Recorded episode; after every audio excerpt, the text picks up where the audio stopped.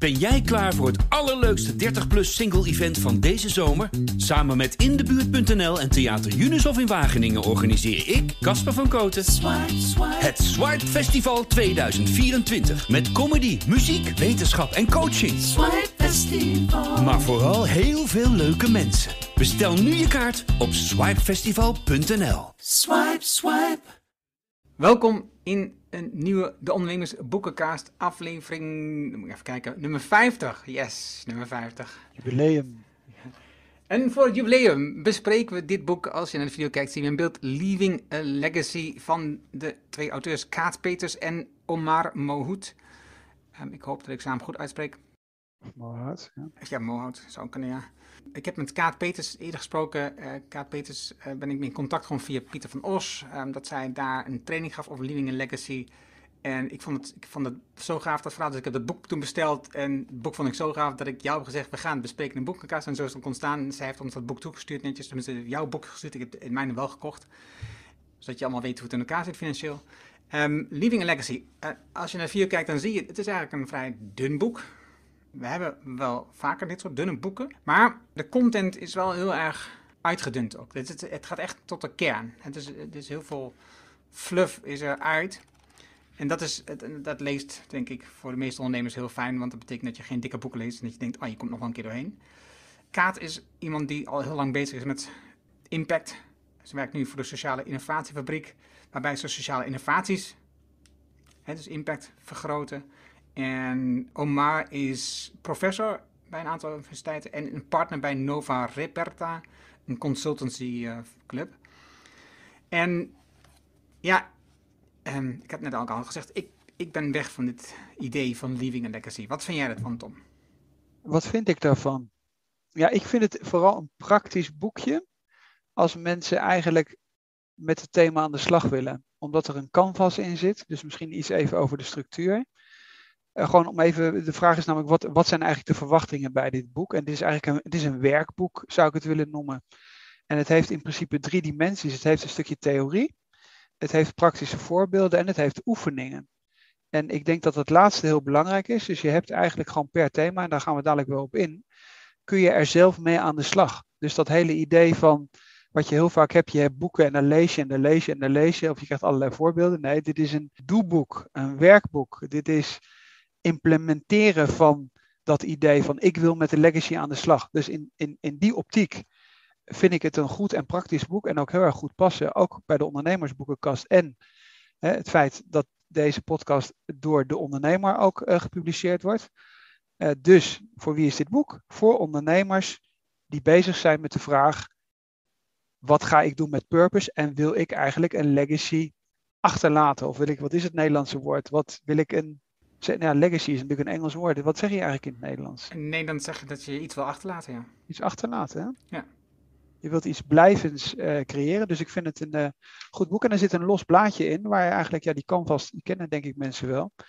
Er wordt natuurlijk veel mee, mee, mee gewerkt. En er zit een soort schaal in, dus, maar daar komen we denk ik dadelijk op, dat er gewoon bepaalde stadia zijn waar je doorheen kunt lopen. Ja. Oké, okay, ik was even in de intro vergeten. Wij bespreken deze boekencast, de boeken in de boekencast. En wij, dat is aan de ene kant Tom van Lubbe. Welkom Tom. Dank je, Erno. En aan de andere kant Erno Hanning. We moeten wel een beetje vasthouden aan ons format, hè? het, het, boek bestaat uit vijf onderdelen. Het boek is in het Engels, terwijl ze beide Nederlands, uh, of, of, eigenlijk uh, Vlamingen zijn. Maar het is in, het, is in het Engels allemaal geschreven. Uh, all about impact. How to intentionally make a long-lasting positive impact of the legacy stages of impact from negative to a legacy en strategies for your legacy. En de laatste is going international. Oké, het eerste deel, all about impact. Hierin vertellen ze dat, ik heb altijd het gevoel dat de kaart schrijven, dat zal, niet, dat zal vast niet waar zijn. Maar vertellen ze dus dat ja, eigenlijk iedereen impact wil maken. Dat, is, dat zit in ons systeem. Dat we dat willen, willen connectie met mensen, willen impact maken, willen iets nalaten. En een, ander idee wat ze ook vertelt is, nee, we, we leven op een planeet en we hebben die eigenlijk in bruikleen voor onze kinderen. En dus wil je, als, als je kinderen hebt, wil je natuurlijk die planeet beter achterlaten dan je het opgekomen bent. Hè? Want dan, heb, dan laat je iets achter voor je kinderen waar zij weer mee verder kunnen. En nu laten we op dit moment vooral een planeet achter die slechter is voor onze kinderen. Eh, eh, op alle fronten. Als we hem überhaupt wel achterlaten. Ja, ik denk dat wij het nog wel doen, maar ik denk dat het, um, dat het hard achteruit Daarna gaat. wordt het kritisch, ja. Ja, ik had nog wel één puntje in dit onderdeel en uh, daar vraag ik aan jou even. Het, uh, er zit dat, dat model in dat van het P2P Foundation model met die drie horizons. Mm. Ik begrijp dit niet zo goed. Jij wel? Nou, ik ken het eigenlijk als Three Horizons model van McKinsey. Oké. Okay. Dus dat is eigenlijk even heel simpel gezegd, eigenlijk korte termijn, middellange termijn en lange termijn. Wij hebben dat bijvoorbeeld binnen de binnen Visie ook. Dus dat kun je zoals bij ons op de website kijken. Dus even om voor ondernemers om het heel pragmatisch te maken. Wij op de korte termijn willen wij een veel grotere hypotheekadviseur worden. Uh, horizon 2 bij, bij Visie is transitie naar geldverstrekker. En fase 3 is internationalisering. Vaak wordt dit model gebruikt ook om procentueel tijdsbudget te allokeren. Dus dan zeg je, oké, okay, 80% hou ik me bezig met de business van nu. Dat is dus hier business as usual. Alleen dan moet je er rekening mee houden dat het op een gegeven moment dat dat, dat, dat weggedisrupt wordt. Of dan moet je een gedeelte hebben in, in middellange termijn toekomst. Dus wat je bijvoorbeeld ook vaak hebt in grotere bedrijven, is als het over innovatiepijplijn hebben.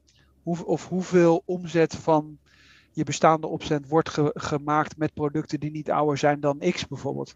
Dus daar, daar ken ik eigenlijk dat model van. En zij, en zij tillen dit model eigenlijk naar, ja, naar lange termijn in de zin ook van maatschappelijk en, maatschappelijk relevant worden. Wat ik op zich wel aardig vind. Het idee wat ik in het algemeen heb is dat uh, van de twee auteurs, op basis van de biografie die achter in het boek staan, Mohout of Mohoed, uh, ik ken hem niet, ik hoop dat ik het goed uitspreek, heel sterk klassieke management tools of Canvas of wat dan ook die tools eigenlijk heeft ingebracht. Dat wordt ook in de inleiding even gezegd. Dus hij is de commerciële start-up coach, et cetera. En zij is meer van uh, de wereld moet beter achtergelaten worden. En, en, en die combinatie die is vruchtbaar. En dat zie je bijvoorbeeld hier ook. Dus dan heb je, heb je hier die, uh, die Three Horizons model, wat, ik, wat je eigenlijk aan de hele uh, commerciële context kent. Daarom heb ik ook even dat eigen voorbeeld geschetst. En ze doen dat eigenlijk heel goed. Ze, ze brengen dat op een ander niveau en zeggen ja, horizon 3 is dus nou juist lieve legacy. En dat vond ik eigenlijk wel, uh, ja, wel leuk om te zien. Mooi. Oké, dan heb je het tweede, how to intentionally make a long-lasting positive impact, ofwel a legacy. Wat ik wel heb bij dit onderdeel, of überhaupt bij Leaving a Legacy, en de gedachtegang dat je ermee in de slag gaat met een werkboek en dat je het gaat opschrijven. Het is natuurlijk een fantastisch idee dat je als persoon, als ondernemer of met je bedrijf iets wil nalaten. Maar tegelijkertijd uh, ben ik me bewust, als je kijkt naar de geschiedenis, en de geschiedenis is jouw vak, is de hoeveelheid mensen die echt iets nalaten, dat is niet zo heel erg groot. Hè? Als je kijkt in de geschiedenis, als je kijkt naar de mensen die we nog weten, de namen die we kennen, naar verhouding van het aantal mensen wat heeft geleefd de afgelopen 2000 jaar, ja, er is maar een klein percentage wat echt iets nalaat. Dus de, de, je kunt wel werken aan een legacy, maar de kans dat, ja, dat mijn legacy zeg maar overeind blijft, behalve dan misschien mijn, mijn kinderen, zeg maar, dat, die is niet zo heel groot. Heb ik, is wel de realisatie die ik heb bij dit, dit deel.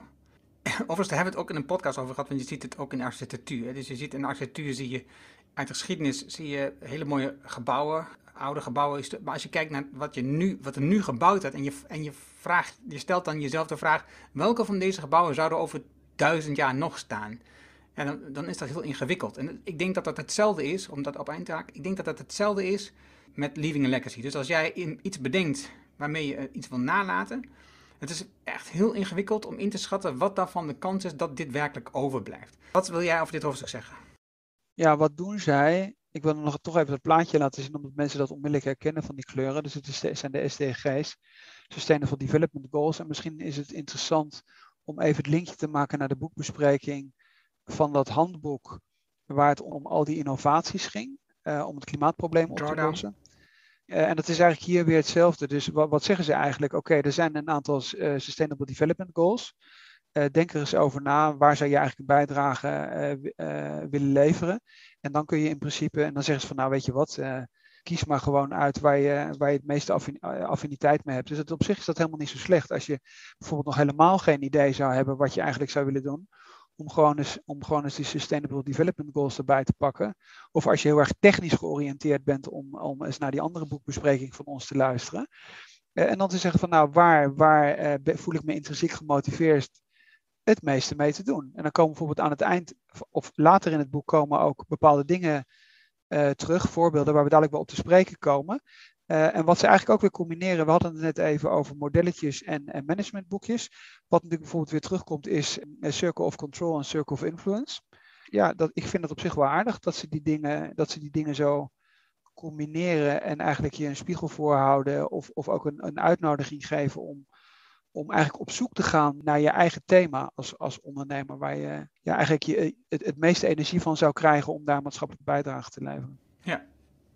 Ja, overigens bij dat stukje van de SDG's wordt ook nog de donutmodel van Kate Rayward uh, genoemd. Dat dat ook als iets zou kunnen zijn bij een halve. En wat ze daarin zeggen is wel, vind ik wel belangrijk, is, is dat je focus zoekt in dat stuk. Dat je kiest voor een één ding eigenlijk waar je impact in wil maken. Ik, ik, ik, hou altijd van focus, dus dan valt me, dat al, valt me dat gelijk op, dat soort dingen.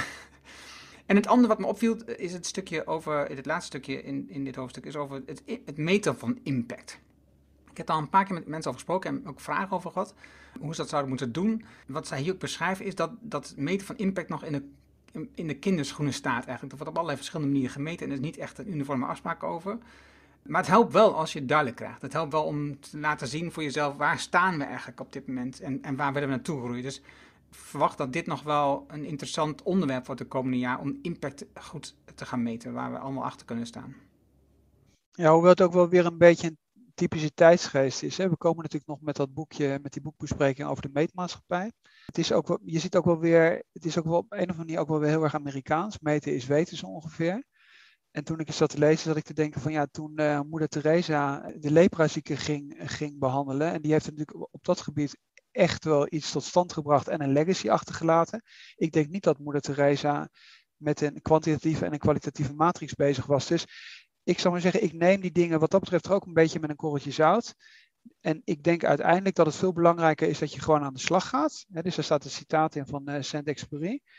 Uh, waar staat van ja, je kunt wel een mooi idee hebben of een mooi doel hebben, maar je moet uiteindelijk eh, is, is, is het alleen maar wat waard als je het implementeert en er een plan van maakt. A goal without a plan, a plan is just a wish, zou het in het Engels heten. Het staat hier in het Frans steen. Alleen ik, ik, ik ben daar een beetje, beetje in dubio of je altijd alles maar, of je alles kunt weten, of je alles maar moet, moet meten, of dat je niet gewoon eigenlijk maar gewoon eens aan de slag moet gaan. En als, dat, als je dan daar positieve positieve bevestiging van krijgt, dan ga je gewoon een stap verder. Maar ik weet niet of, het, of altijd alles maar in een getal moet worden uitgedrukt. Ik heb zoveel gevangenen eh, in de bakkerij aan het werk gekregen, et cetera. Misschien is gewoon tien gevangenen uh, een, een toekomst bieden nadat ze uit de gevangenis zijn gekomen ook wel hartstikke mooi. Waarom moeten het dan honderd of duizend zijn? Ja, nee, ik ben het helemaal eens. Een van mijn leefregels is, is uh, process over goals. Ik denk dat het veel handiger is om je vast te houden aan een proces, om dingen te doen elke dag dan dat je per se doel nastreeft. Ik denk uiteindelijk doel je niet echt super gelukkig maken.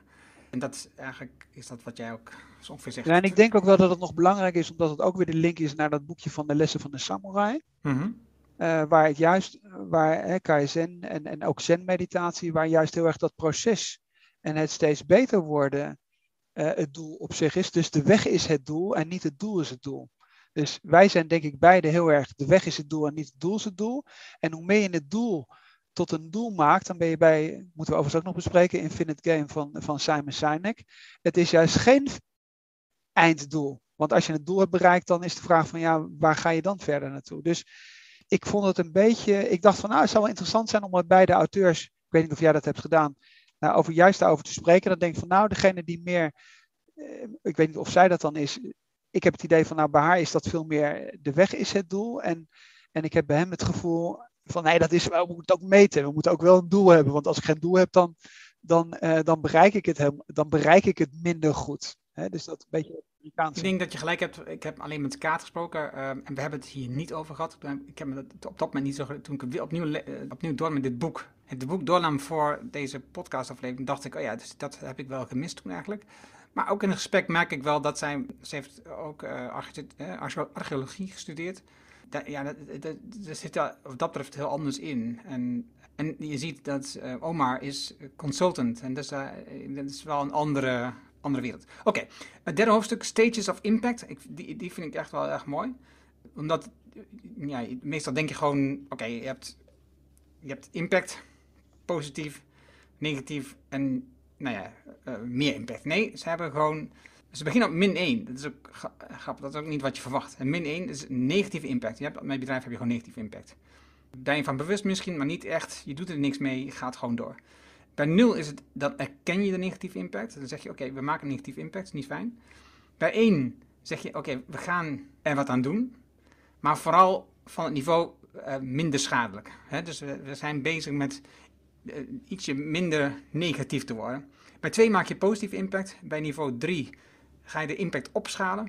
En bij niveau 4 ga je leaving a legacy. En daar zie je ook uh, de verhouding. En ik weet ook niet zeker, net al wat je al zegt, mijn moeder Trace, dat beeld dat heb ik ook altijd voor me. En dus hier lijkt het ook of um, leaving a legacy gewoon nog veel, veel, veel maal groter is. En dat zie je ook in het model in het boek. Dan opschalen. Het is opschalen is al veel groter. En dan moet je ook nog, nog groter om leaving. En ik weet niet zeker of dat waar is. Hè? Dus, maar goed, het is. Uh, en mooie voorbeelden in het boekje zijn Robert Bosch. Kennen we, hebben we het daar vaak over gehad. En uh, Patagonia, mooie sprekende voorbeelden. En dan heb je dan mooi, je hebt het begin al genoemd, je hebt een mooi voorbeeld. Daarnaast heb je zo'n werkdingetje. Dus daar zit een tabelletje in. In dit hoofdstuk, waarbij je dus kunt aangeven op welk niveau sta je nu. En aan de achterkant van, van die dingen kun je dan invullen waar wil je naartoe groeien en wanneer denk je dat te bereiken.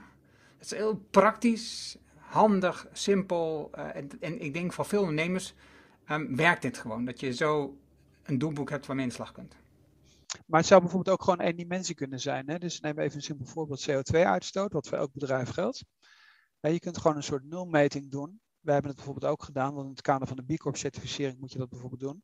Ja, en dan komt er iemand langs en dan kom je erachter dat je eigenlijk uh, dat je wat aan die koelkasten moet doen. Of dat je airco of weet ik veel wat, et cetera. Dus het kan gewoon even heel simpel praktisch zijn.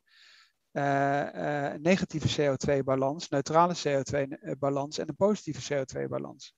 Ik denk van, nou, je hebt natuurlijk enerzijds dat, dat hele grote thema, wat is eigenlijk de purpose van de hele organisatie, maar het kan ook misschien gewoon een gedeelte zijn. Of wij hebben geen bedrijfsauto's, iedereen gaat met de trein of iedereen gaat met de fiets, et cetera. Dat kunnen hele kleine dingen zijn, waar je, uit, waar je uiteindelijk ook denk ik weer positieve energie mee creëert, om misschien dan naar de hand grote stappen, die misschien op dit moment gewoon echt een brug te ver zijn, die je dan op een gegeven moment, die dan ook weer dichterbij komen. Hmm.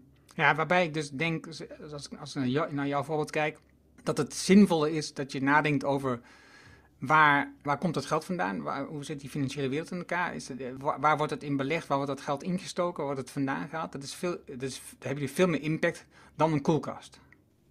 Ja, maar je merkt wel dat die dingen allemaal met elkaar samenhangen. Dus op het moment dat je dit soort dingen in het bedrijf doet, en dat heb ik bijvoorbeeld helemaal niet zo gerealiseerd, uh, merk je in één keer wat het voor positieve uitwerking ook bijvoorbeeld heeft. Of als je zegt van iedereen kan, we hebben bijvoorbeeld gedefinieerd, iedereen kan te voet of met de fiets naar het werk. En we hebben nu overal kantoren waar de mensen wonen, dus we hebben de boel eigenlijk omgedraaid. Merk je toch dat dat weer heel erg bijdraagt aan het samen nadenken over, over de eigenlijke purpose van de organisatie. En ik heb, dat, ik heb dat element van die kleine dingen ook wel vaak onderschat, moet ik eerlijk zeggen. Oké, dat is een goede aanvulling dus. Het vierde deel, dat is uh, strategies for your legacy. Nou, dan heb je weer gelijk die combinatie van bekende strategieën die je kunnen gebruiken. Maar het grappige uh, ik had aan het begin al gezegd, ik ben met haar in aangekomen via Pieter van Nos. En Pieter Nos die zit natuurlijk enorm in die scale-up wereld met zijn bedrijf Scale-up Impact. Ik ben gewend om te denken in start-up, scale-up ideeën. Maar ze komen hier met vier ideeën. Scale-up, um, scale deep, scale out en scale down. En, um, en, dat is, en ik vond dat een hele mooie verdeling om over na te denken. Um, even in het kort, scale-up is nou ja, uitbreiden.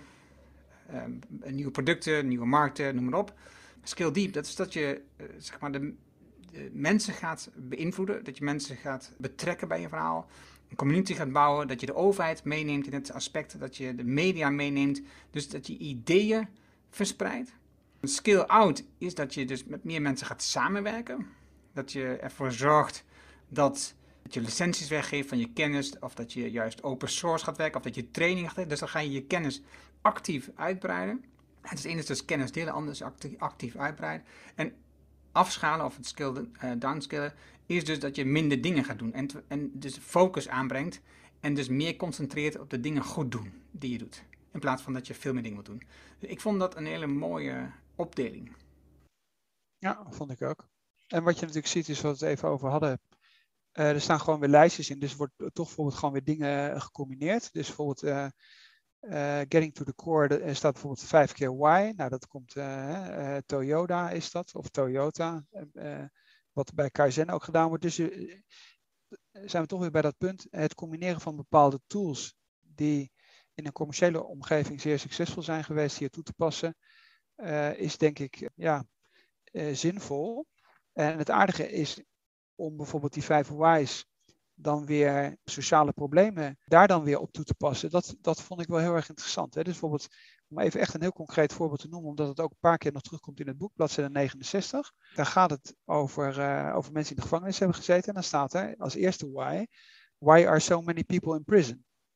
En dan ja, omdat, uh, omdat als mensen uit de gevangenis komen, dan is de kans dat, hè, ik weet niet hoe het in Nederland is, re, uh, recidivism, hè, dus dat mensen opnieuw weer crimineel gedrag worden, omdat ze juist niet in de samenleving worden geïntegreerd. Dus dan is de volgende vraag, ja, waarom is dat dan zo? En zo gaat het in principe door. Dus dat die techniek toe te passen op een maatschappelijk probleem, is natuurlijk uitermate interessant.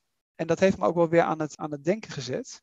En in dit geval, en dat komt naar de hand terug in het boek, moet je dus ervoor zorgen dat de mensen als ze uit gevangenis komen, opgevangen worden en onmiddellijk geïntegreerd worden in de samenleving en überhaupt een kans krijgen.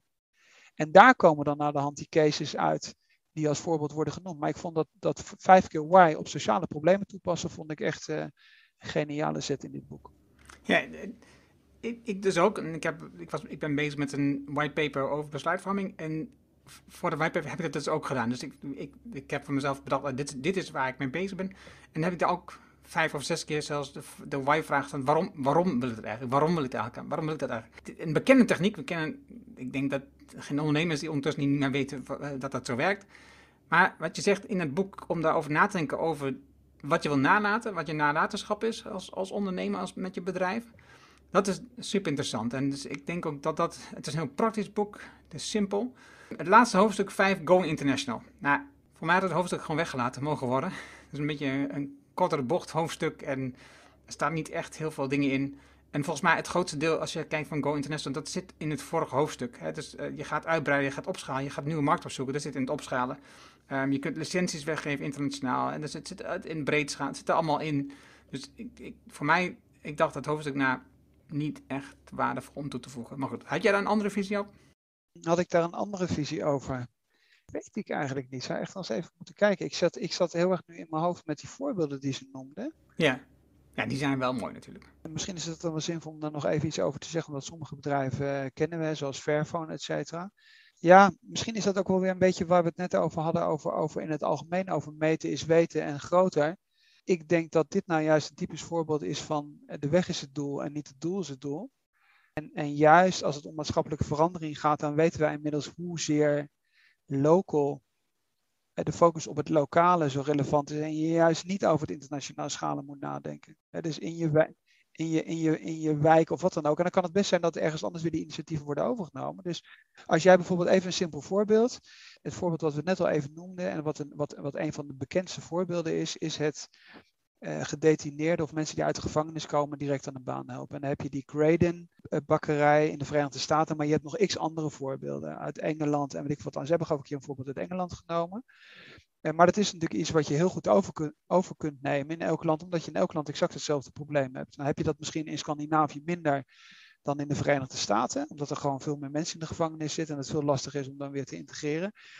Maar of je dan zelf dat moet internationaliseren. Je kunt hoogstens zeggen van oké, je deelt en inspireert. Hè, dat scaling deep. Of, uh, en dat je zegt van nou, kom maar langs. En dan zijn we natuurlijk ook weer bij ons. Ik heb me dat overigens niet gerealiseerd. We hebben een aparte enti entiteit, Visie Insights.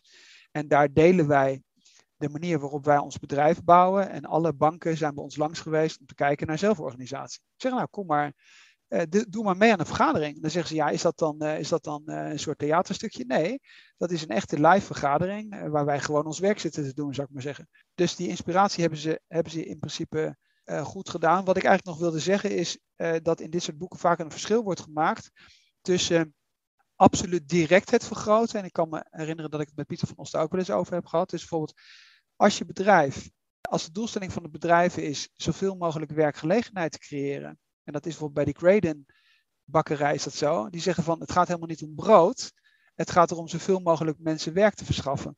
Ben je overigens ook weer bij de boeddhistische economie, hele andere insteek. Als jij natuurlijk zoveel mogelijk mensen een baan geeft die uit de gevangenis komen, dan is elke persoon die je die baan geeft, heb je al je maatschappelijke impact vergroot. En dat vind ik eigenlijk wel, ik, misschien dat ik ook overheen heb gelezen, dat vind ik nog wel relevant, omdat vaak dingen heel erg indirect zijn. Dus dan ga je bijvoorbeeld energietransitie doen, dan ga je windmolens neerzetten en dan heb je weer een enorme afvalberg die je met die windmolens uh, aan het creëren bent, of zonnepanelen, wat dan ook. Terwijl we eigenlijk weten, er moet gewoon veel minder energie verbruikt, verbruikt worden. En dat vind ik aan dat voorbeeld van die, van die bakkerijen voor, voor ex-gedetineerden, nou juist wel zo'n fantastisch voorbeeld. Omdat elke persoon die ik aanneem, is maatschappelijke impact uh, vergroot. ik heb het in een artikel ook al eens genoemd met uh, Rens Groeneveld uh, van Dockels in Dordrecht. Um, dat is een klant van mij. Zij hebben dat in principe ook. Hè. Dus, ze hebben een, zeg maar een achterliggende impactgevoel dat ze mensen een plek willen geven waar ze zich kunnen ontwikkelen, een plek om te werken. En ze pakken dan ook vaak mensen op die, in lastige, die worden dan via via aangedragen in een lastige situatie zitten. Ze, ze, met software uh, doen ze dingen, uh, hebben ze een product waarmee ze besluitvorming inzichtelijk maken.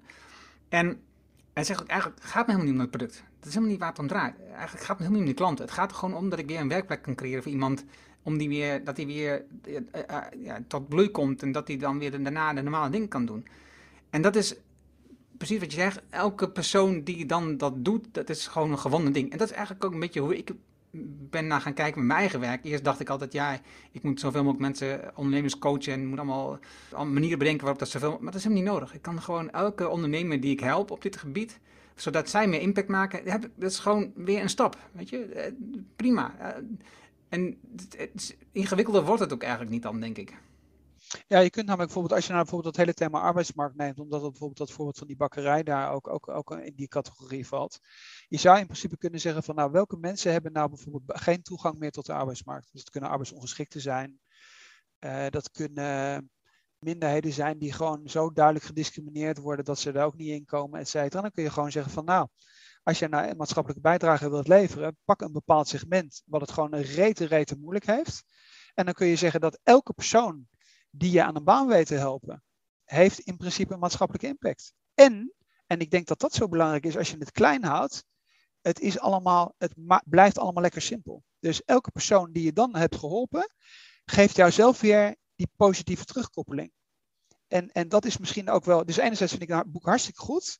Maar anderzijds denk ik ook, nou, als je nou veel mensen wilt animeren om die samenleving beter te maken, dan maak het vooral heel, heel, heel erg simpel omdat windmolens bouwen is gewoon rete gecompliceerd. Zonnepanelen is rete gecompliceerd. Maar mensen die arbeidsongeschikt zijn in een bepaald segment of in een bepaalde regio of in een bepaalde stad, je daarop concentreren, is denk ik toch nog net even iets makkelijker.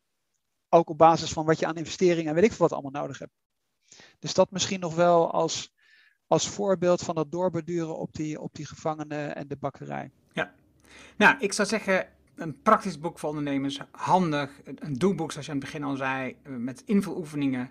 Ondernemers die moeten hiervan smullen. Hè, want ze zijn, de meeste zijn niet zulke lezers als wij dat zijn. Dus eh, hier moet je van smullen, dat kan niet anders. Dus ik wens je daarin veel plezier. Leaving a legacy, increase your social impact, zoals dat zeggen Kaat Peters en Oma Mahout. Het was fijn om dit boek te lezen en te bespreken. Dankjewel Tom. Dankjewel Enno. En graag tot de volgende aflevering. Ben jij klaar voor het allerleukste 30-plus single-event van deze zomer? Samen met Indebuurt.nl en Theater Junushof in Wageningen organiseer ik, Casper van Koten, het Swipe Festival 2024. Met comedy, muziek, wetenschap en coaching. Swipe Festival. Maar vooral heel veel leuke mensen. Bestel nu je kaart op swipefestival.nl. Swipe, swipe.